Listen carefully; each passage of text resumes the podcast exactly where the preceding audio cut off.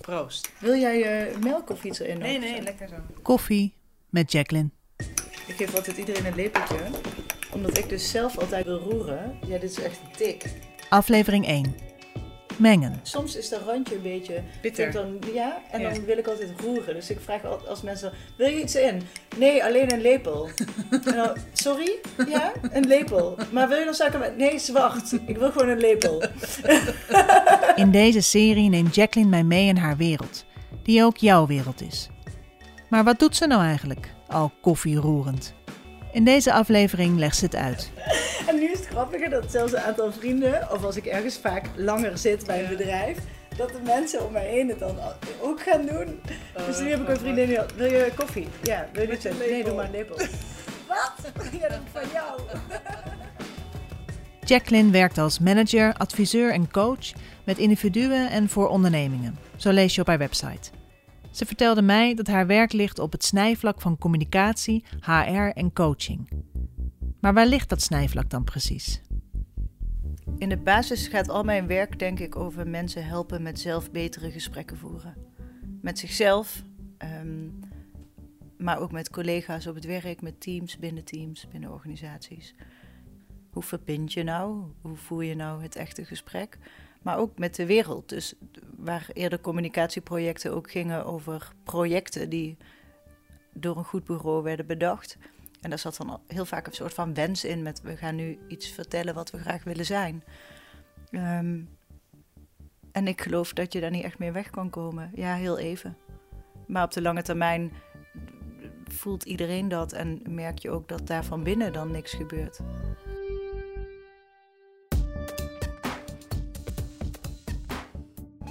Dus ik kan me voorstellen dat je bij bedrijven binnenkomt die zegt: We willen graag uh, dit imago, zoiets. We willen graag dat, je, dat jij ons helpt om dit verhaal te vertellen. En dan kan me voorstellen dat jij dan zegt: Maar wacht even, wat is dan jullie verhaal nu? Ja. Nou, niet alleen dat. Uh, het, ik kom op verschillende vraagstukken binnen. Ik werk ook als HR-manager, want daar is, dat is ook een ingang. Je ingang is de wereld of communicatie of HR. dus dus er, is iets aan de hand of er is een wens. Zo is het altijd. En dat is ook het coachende stuk en wat ik dan ook daarin meeneem. Ik ga op zoek naar wat is jullie wens of wat brandt er.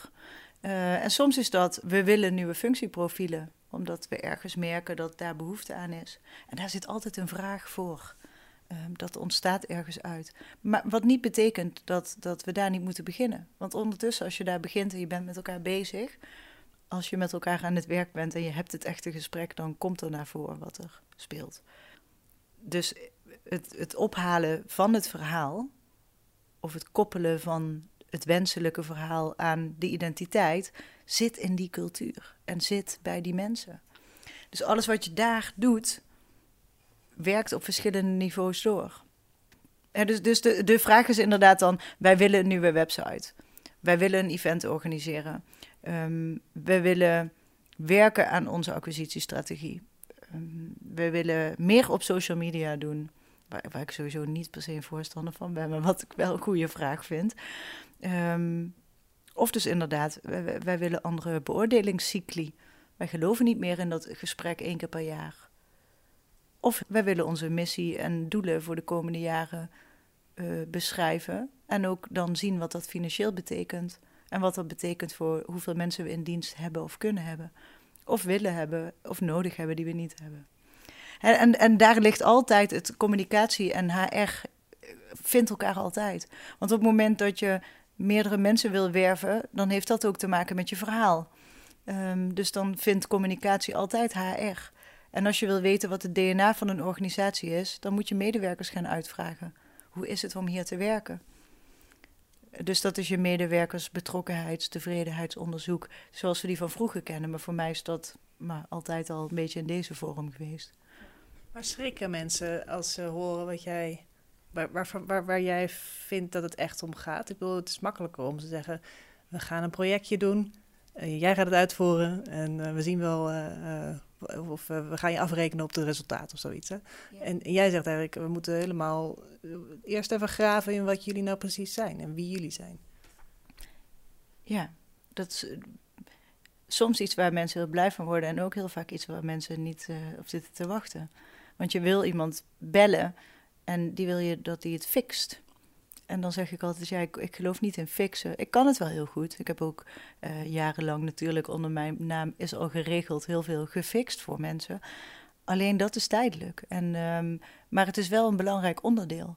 Want je begint bij die uitvoering. En, en um, je moet sommige dingen wel eerst fixen. Voordat er ruimte en tijd is om um, meer uitgezoomd te kijken naar een organisatie en naar mensen. Dus het is altijd een combinatie. Maar strategie gaat wel samen met uitvoer. Ja. Dus, dus om jouw vraag te beantwoorden, schrikken mensen. Um, ik, ik denk niet dat ze per se schrikken. Ik denk dat het vaak onduidelijk is. Hoe dan? En, en dat die vraag zo groot is. Um, en daar ligt dan wel mijn ding, omdat, omdat ik geloof dat je met elkaar dan het kleiner moet maken. Maar vanmorgen was toevallig nog wel een leuk voorbeeld. Um, dan moet er een stuk opgeleverd worden waar meerdere lagen iets van vinden. En dan is het best wel hard werken geweest om, om scherp te blijven op de boodschap die aan moet sluiten op wie we zijn. En dan uh, hebben heel veel mensen ernaar gekeken en dan is dit het. En dan krijg ik het definitieve stuk. En dan denk ik, ja, we gaan toch nu iets zeggen wat niet. Dus we moeten terug. En dan ga ik nadat het final is, bijvoorbeeld, nog feedback geven. Dus schrikken mensen dan. Soms schrikken ze dat ik het doe. Over alle lagen heen dat gesprek voeren. Want het maakt voor mij echt niet uit uh, of het een junior medewerker is of een, uh, een directielid. We hebben datzelfde gesprek. Dus daar schrikken mensen soms van. En mensen schrikken ervan in die zin dat het natuurlijk wel vertraagt soms. Kijken waar het echt over gaat kost meer tijd ja, dan, uh, dan doorgaan. Net als dat in, in communicatie onderling uh, boos worden makkelijker is dan uh, zeggen hoe het echt voelt, want dat is natuurlijk heel kwetsbaar. Dus ja, schrikken. Oh ja.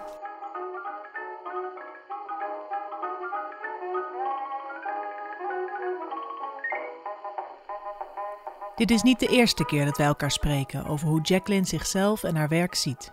Wij hebben natuurlijk toen gesproken over uh, vooral het communicatiestuk en het coachstuk. En um, wat de afgelopen periode is gebeurd, en ook grappig met terugwerkende kracht eigenlijk altijd, misschien tien jaar geleden al zo was.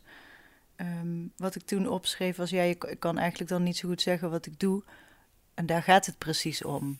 Jacqueline tekent drie cirkels op een velletje papier. Ze overlappen elkaar. Dus als je kijkt naar bij bedrijven, je hebt altijd een stukje eh, business, dus de ouderwetse organisatieadviseur, consultant, interim consultant, waarbij ik altijd dan bij die woorden denk van, oh jeetje, heb je weer zo'n consultant. dus, zo voelt het dan, terwijl ik heel goed begrijp wat ze doen, maar dat. Cirkel 1, organisatieadvies. En, en dat zijn gewoon de business dingen. Wat moet je nou regelen? Waar wil je nou naartoe? Welke middelen en mensen heb je daarvoor nodig? Wat betekent dat uh, voor hoe je moet ontwikkelen of hoe je je organisatie vormen, samenwerkingsvormen, overlegstructuren? Eigenlijk heel blauw is dat. Ik geef dit ook de kleur blauw omdat ik het fijn vind om dingen de kleur te geven hoe ze voelen. Blauw op straat, denk ik aan. Oh ja. Maar het staat dus voor iets wat zakelijk is. Blauw. Blauw is blauw. Het is, blauw is een beetje een fijne kleur die toch koud is. Dus is dat, zo zie ik dat ook een beetje bij die business dingen. Maar dat is de ouderwetse organisatieadviseur eigenlijk. Daarnaast, um, wat ik natuurlijk heel lang gedaan heb, is onder het mom van uh, communicatie, events, bedrijfsondersteuning. Ik maakte dat toen ook een beetje koraal, oranje beetje meer feest. Hoe vertellen we nu ons verhaal? En wat voor leuke campagnes doen we en hoe komen mensen samen? Dus daar komt al een beetje het plezier, mensen en de energie erin. Cirkel 2, communicatie. En um, daarnaast hebben wij natuurlijk gesproken over het coachverhaal. En dat is voor mij meer geel of weet je, dat soort dingen. Cirkel 3, um, HR, training en coaching. En de laatste keer dat we elkaar spraken, zei ik van, hoe zit dat dan met die coach en wat ben ik dan voor coach? En het grappige is dat ik daar ook niet uitkwam, omdat ik geen coach ben. Ja, ik ben natuurlijk, je kan die titel of je, maar, dat is niet wat ik doe. Dus toen ik dit zo ging samen laten vallen, dacht ik, en wat is hier nu de gemene deler? En dat zijn eigenlijk twee dingen. En dat is people en culture. En, en uh, gewoon op zijn simpel Nederlands, hoe werken we met elkaar samen? En dan vooral het woord samen. En welke dingen zijn ongeschreven regels die wel echt bij deze organisatie horen? En um, wat zijn de interpersoonlijke banden ook? En, en wat doet dat met de interactie en met jezelf? Dus, nou ja, je hebt een gesprek met jezelf, zoals wij hier nu zitten, gaat er in jouw hoofd gebeurt er iets en in die van mij ook. En, en een gesprek met de wereld. In dit geval het gesprek wat jij en ik hebben. ik ben nu dan aan het vertellen. Maar... Ja, nee, ik zit met die kleuren nog steeds in mijn hoofd, dus je wil weten wat er met mij gebeurt. Ja. ik denk, oh, blauw, geel, oranje, koraal. Wat voor kleur wordt het dan samen in dat overlappende stukjes? Want je, je hebt namelijk uh, drie cirkels getekend met in het midden oh, dus wat het gemeen dat heeft. Heel lelijk als je het samen laat. Ja. Nou, ja. Dat is vroeger met de verf mengen. Nee, het wordt dus bijna wit. Um, omdat dat is, ik kleur mee met wat, wat er nodig is en waar ik bij aansluit. Maar ik ben niet kleurloos. Dus, dus je gaat mij wel, ik ga me wel inkleuren, zeg maar. Ja, dus, dus dat was inderdaad is een hele goede vraag. Waar ook menig een zijn hoofd al over gebroken heeft voor en met mij. en waarop ik uiteindelijk zei: Ja, ik ben niet een kleur. Ik ben heel veel kleuren, maar die kleur is wel ook elke dag iets anders. Net zoals wij mensen elke keer anders zijn, afhankelijk van onze context. Dit waar je mee begon, die cirkeltjes. Um, het is een soort ontdekking van jou dat je geen coach bent. Dus dat je ook niet heel erg hard je best hoeft te doen om jezelf te definiëren. Wat voor coach dan? Dat zei je net. Ehm, en wat, wat deed je dat beseffen? Eigenlijk wist ik vanaf het begin al dat ik geen coach ben en zou worden, omdat ik me nooit één ding heb gevoeld. En ik heb altijd al geweten dat. dat de, ik, ongeveer tien jaar geleden heb ik een beetje dit opgeschreven. Maar dat was ik dan weer vergeten. En onderweg. Ehm, ik kan me heel erg laten, laten meegaan in. Als ergens mijn aandacht naartoe gaat of, of het leven brengt me iets, dan ga ik daar naar kijken en dan ga ik het oppakken en dan ga ik het doorleven. Om er een mening over te vormen. En om te kijken wat ik dan nog ben daarin. Of, of, en wat niet, vooral ook. Nou, met dat coach is dat wel mooi. Ja, op een gegeven moment resoneerde het heel erg dat ik dacht, maar alles wat ik dus doe, wat ik niet kan benoemen, wat me zo frustreert soms, is wat die coach doet. Die komt het niet fixen, die gaat je helpen. En, eh, maar ja, ik merkte gewoon al meteen, ondanks dat ik de opleiding heel leuk vind en dat soort dingen. Ik ben ook echt wel een coach in die zin. Maar ik kan niet de hele dag in de stoel gaan zitten coachen daar gaat mijn hart echt dood van. Ehm, ik ga er gewoon heel lekker op om binnen zo'n bedrijf te lopen. Um, waar veel te veel mensen werken die elkaar niet kennen. En, en dat ik dan ga zorgen dat ze elkaar leren kennen. Uh, of juist een heel klein bedrijf wat denkt dat ze niet kunnen groeien. En waar ik dan ga helpen om ze mee te laten groeien. Um, en dat is ook met het communicatiestuk zo als ik er niet bij ben, wanneer ze dat verhaal vertalen naar de middelen, ja, daar zit creatie. Ik ben gewoon heel creatief. En als ik dat niet kan uiten, word ik ook heel ongelukkig. Dus, dus zo is dat. Het is dus niet één aha-erlevenis, maar meer ehm, ja, de sweet spot die, die ik wel heel erg tegenkwam. Ook doordat ik uh, Mirjam ontmoette, met wie ik nu al een tijd samenwerk. Uh, en zij thermiek al hadden en hebben staan. Een bedrijf waarin zij zich richten op HR en organisatieadvies.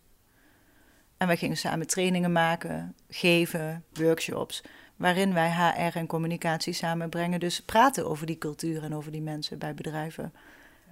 Ja, en toen keken we elkaar aan en toen zei ik, ja, maar, maar moeten we dit niet echt zo... Is het niet echt zo dat, dat dit samen moet zijn in bedrijven? Ja, dat je het niet moet scheiden. Ja. Dus zo is het ook een beetje serendipity, denk ik. Dat, dat wat er op je pad komt en wat je doet. En ik geloof ook dat dat soort dingen alleen maar gebeuren als je iets gaat doen. Kan je voelen wat het is, hoe het werkt, hoe het niet werkt. Wat klopt, wat niet klopt. En, en vanuit daar kan je weer op zoek Ik denk dat dat de zoekende mens ook uh, is. Ja. ja. en jij zelf dus ook. Want dit is iets van tien jaar geleden, maar je bent daar nu nog mee bezig. Um, en het is een soort reis waar je misschien ook wel nooit echt een aan, gaat aankomen. Nee. nee. nee. Maar in, in hoeverre is jouw eigen zoektocht naar wie ben ik nou en wat is mijn rol nou analoog of, eh, of parallel eigenlijk aan, aan wat er in bedrijven eigenlijk gebeurt? Ik bedoel, die zijn eigenlijk hetzelfde aan het uitvissen, maar dan met, ja, Zeker. met z'n vijf of met z'n honderden of met z'n vijfduizenden. Ja. ja. Ja, tuurlijk. Maar dat, maar dat is denk ik sowieso voor het individu en het bedrijf. En eh, dat, dat is altijd grappig aan mijn verhaal. Als ik dan zeg, ik help mensen en bedrijven, uh, individueel en op bedrijfsniveau, om, om met dat gesprek met zichzelf in de wereld. En dan ja, komen er altijd wel ja-knikkers, maar ook even denken. En dan, oh ja, maar het is gewoon hetzelfde. Omdat wij als mensen onderdeel zijn daarvan. Een bedrijf is geen, geen stenen huis, het zijn mensen maar dan heel veel mensen bij elkaar. Dus dan is het extra belangrijk dat je praat over de dingen die belangrijk zijn voor ons.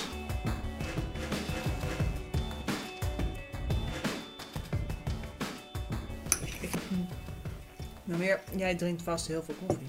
Ja, ik drink best wel veel koffie. Want dan kom je ergens en dan krijg je koffie aangeboden. Ja. Op een gegeven moment ben ik wel een beetje overgegaan op meer thee. En ik probeer altijd mijn dopper mee te nemen, dat ik die gewoon ook gebruik in gesprekken om te drinken. Want anders drink ik gewoon niet of alleen maar koffie. Automaatkoffie. Nee, die sla ik dus over tegenwoordig. Vroeger deed ik dat. Nu weet ik wel waar de goede... Maar het grappige is, is ook kwaliteit, denk ik. weet niet, ze toch een beetje verwend nest. Bijna al mijn klanten hebben gewoon goede koffie. Ik heb eigenlijk geen klanten die geen goede koffie hebben. Selecteer je ze nou, nou ja, ik denk dat het dus toch zo werkt, ja. Ik denk dat het zo werkt. Dit was aflevering 1 van de serie Koffie met Jacqueline. In de volgende aflevering praten we verder over echte gesprekken. Als die zo belangrijk zijn, wat maakt dan een gesprek echt? De muziek die je hoorde was van Broke for Free en van het All Star Trio.